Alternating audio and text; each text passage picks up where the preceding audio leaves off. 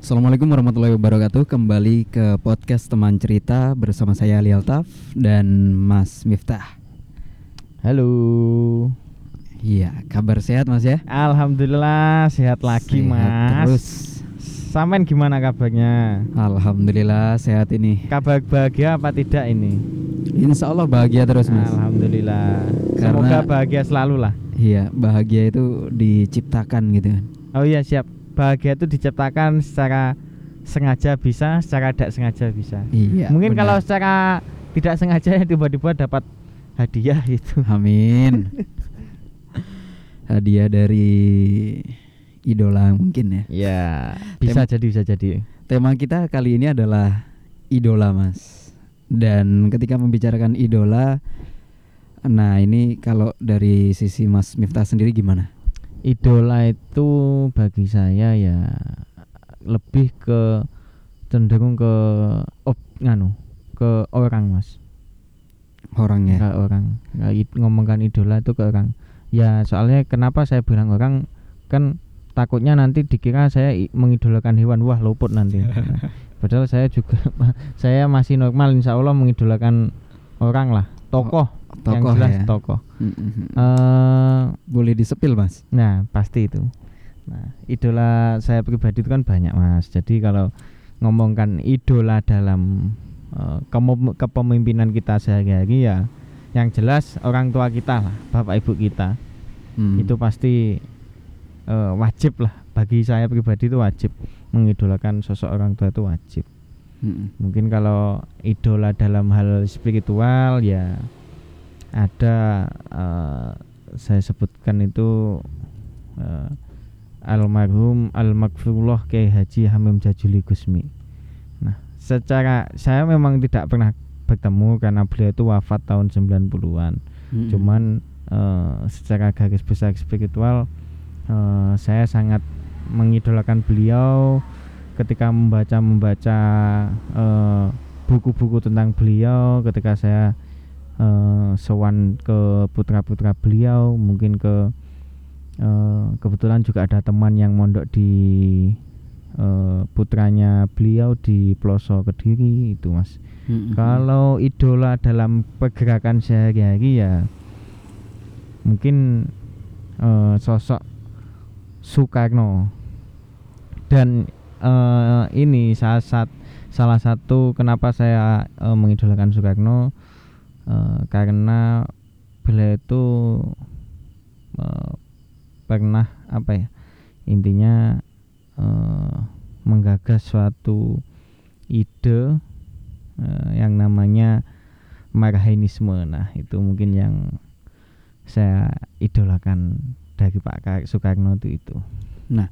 Eh, ketika kita mengidolakan seseorang, biasanya kan memang ada sebab akibat. Ya, siap. Nah, kalau dari yang pertama tadi dari, Dari- hal spiritual itu poin apa, Mas? Eh Hamim Jajuli Gusmi atau biasa kita sebut Gusmi itu eh sejarah singkat ya. Mm-mm. Beliau itu putra dari Kiai Haji Jajuli Usman, eh, pengasuh atau pendiri Pondok Pesantren Al Falah Ploso Kediri. Mm-mm. Nah, Kiai Hamim Jajuli Gusmi itu punya jamaah namanya itu eh, Semaan Al-Qur'an Mantap sama Zikul Gofilin, Mas. Nah, kenapa saya mengidolakan beliau? Eh beliau itu secara spiritual, secara ngomongkan spiritual kalau ngomongkan ulama itu kan pasti anu Mas. Dakwah Mm-mm. kita sebut saja dakwah mengabarkan eh, tentang Islam. Nah, Gusmi itu tidak memandang siapa dan apa begonya dan beliau selalu bisa mengikuti alurnya eh, orang yang dihadapi.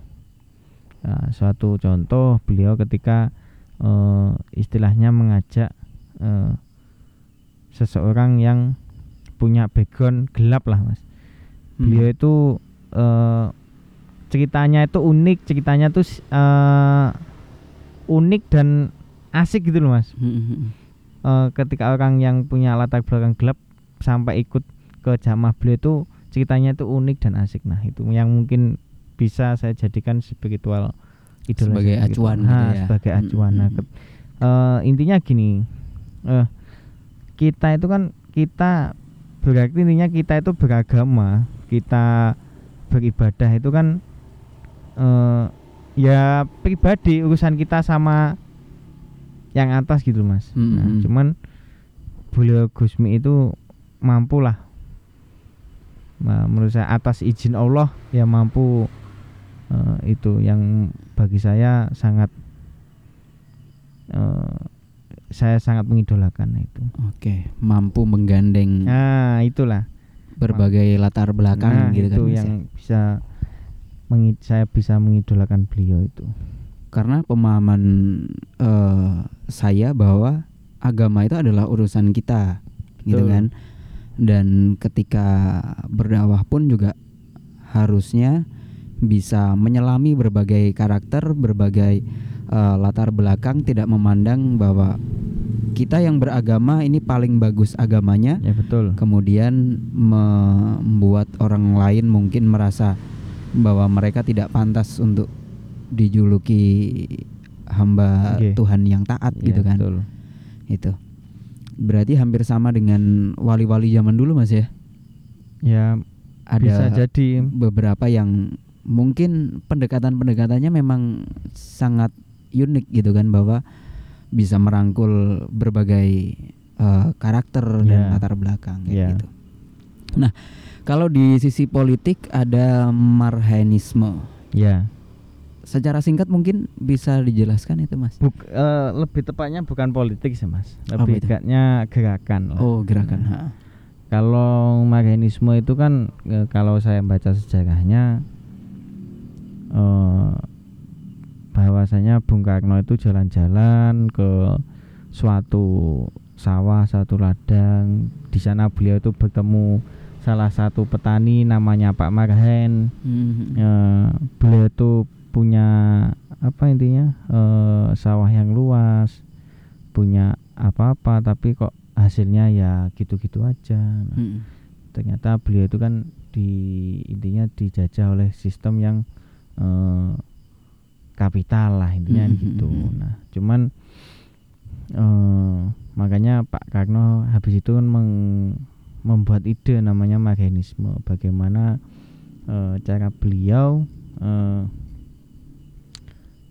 eh, bisa menghilangkan lah, menghilangkan sisi-sisi kapital dalam eh, hal kecil loh ini mas Hmm. bertani loh ya nah, intinya ingin menghilangkan itulah. Inginnya Pak Magen itu lebih sejahtera di Hmm. di ladangnya di sawahnya. Nah ini yang menjadi eh, salah satu idola saya itu ke Pak Karno yaitu kenapa dalam pergerakan eh, saya pribadi itu suka mas ya? Suka itu ke bawah mas. Suka ke eh, petani suka ke orang-orang yang cenderung pekerjaannya ya di eh, petani peternakan Hmm. perikanan nah itu saya suka karena di situ kita itu benar-benar merasakan apa yang dialami petani apa yang selama peta selama ini petani itu yang eh, dirasakan kita bisa merasakan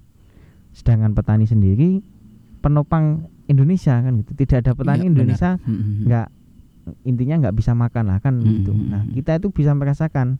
Nah itu yang eh, sangat saya kagumi dari Pak Karno. Nah, di sisi lain Pak Karno sebagai Pak Soekarno sebagai pemimpin beliau itu juga bisa merayakan merasakan rakyatnya secara langsung gitu loh mas. Jadi Hmm.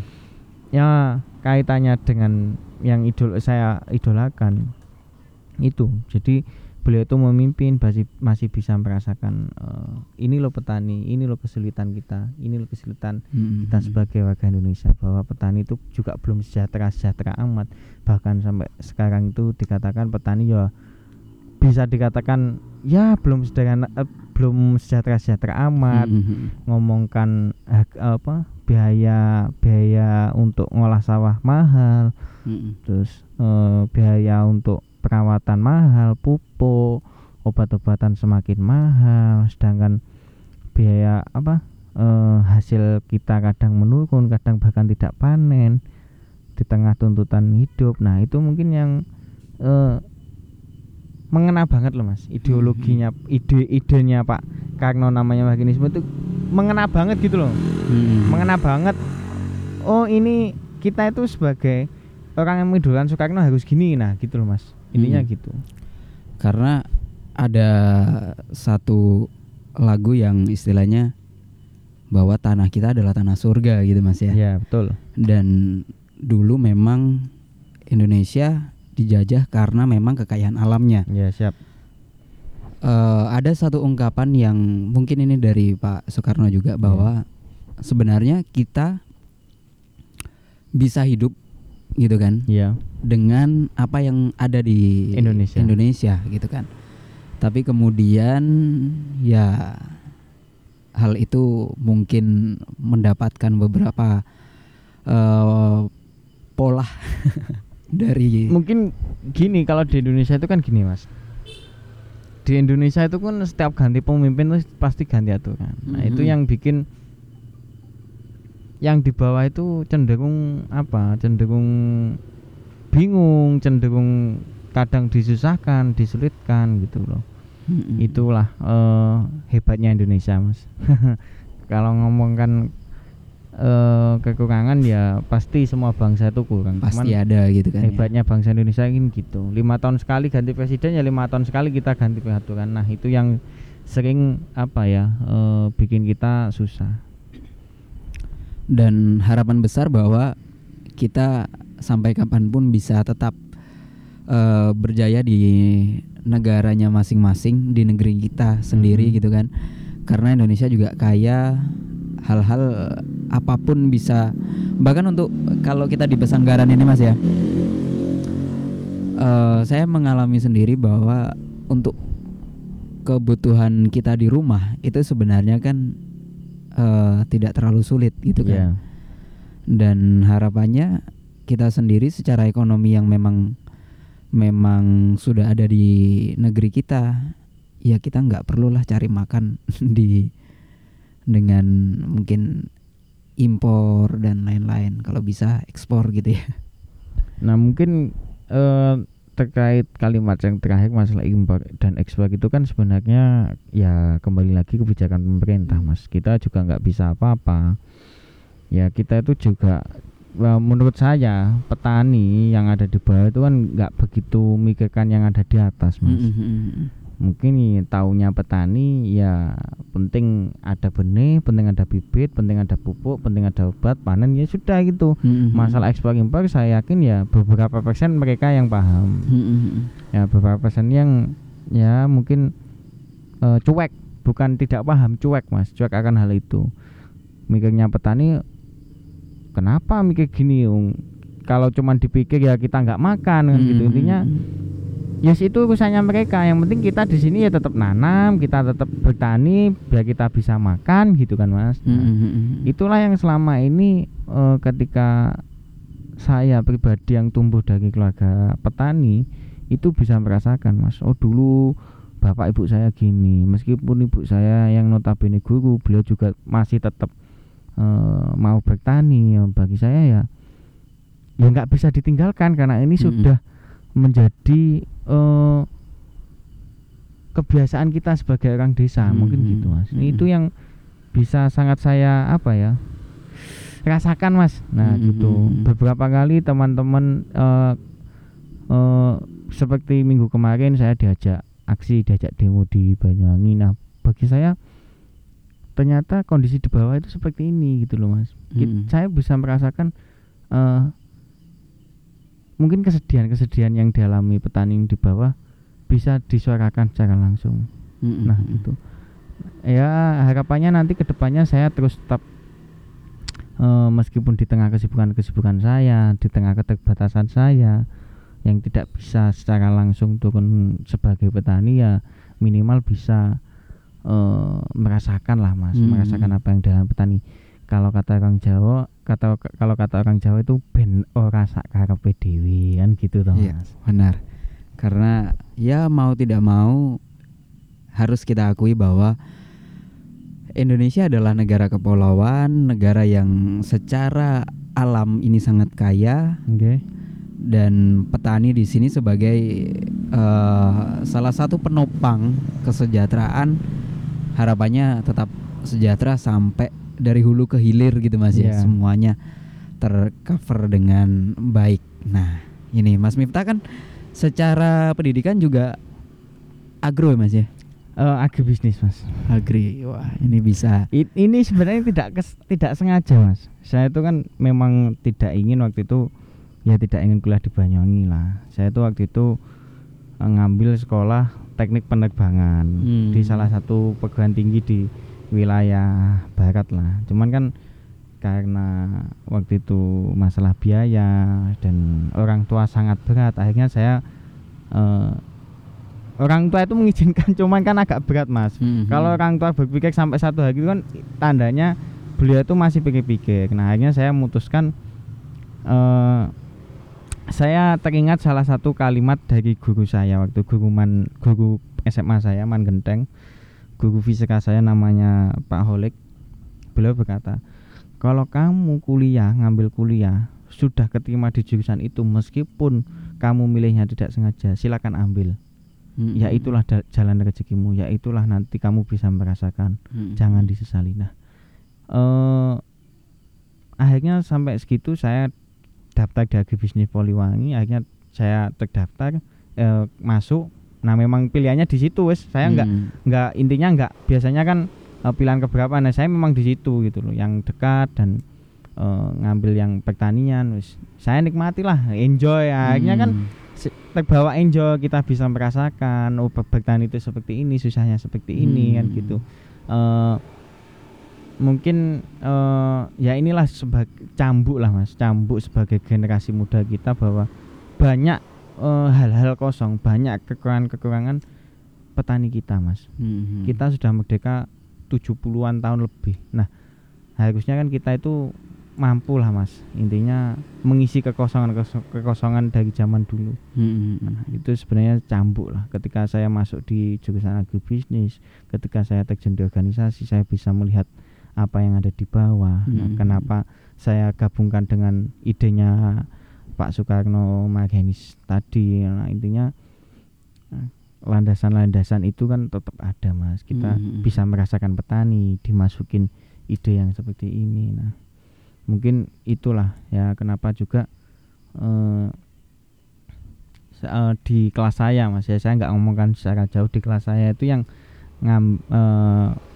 30-an orang itu yang terjun di dunia pertanian tuh hampir 20% mas sisanya ya di pabrik di kantor nah saya tidak tidak melarang tidak ya sih itu ranah anda itu Hmm. rezeki anda Mhm. Wong saya juga nggak bisa ngatur rezeki anda cuman Mhm. kadang eh, terenyuh nah kita itu dididik di jurusan eh, pertanian kita itu untuk mengabdi di pertanian bantu pertanian. Toh orang tua kita juga tani.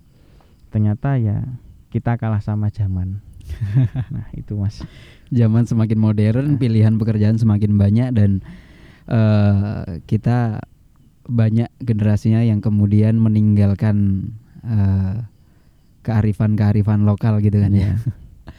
Dan sekarang Mas Miftah membuka kedai kopi rumah kita. ya Ini sebagai apa istilahnya juga wadah gitu Mas ya untuk mengabdi eh, ke masyarakat, memberikan peluang agar Ya.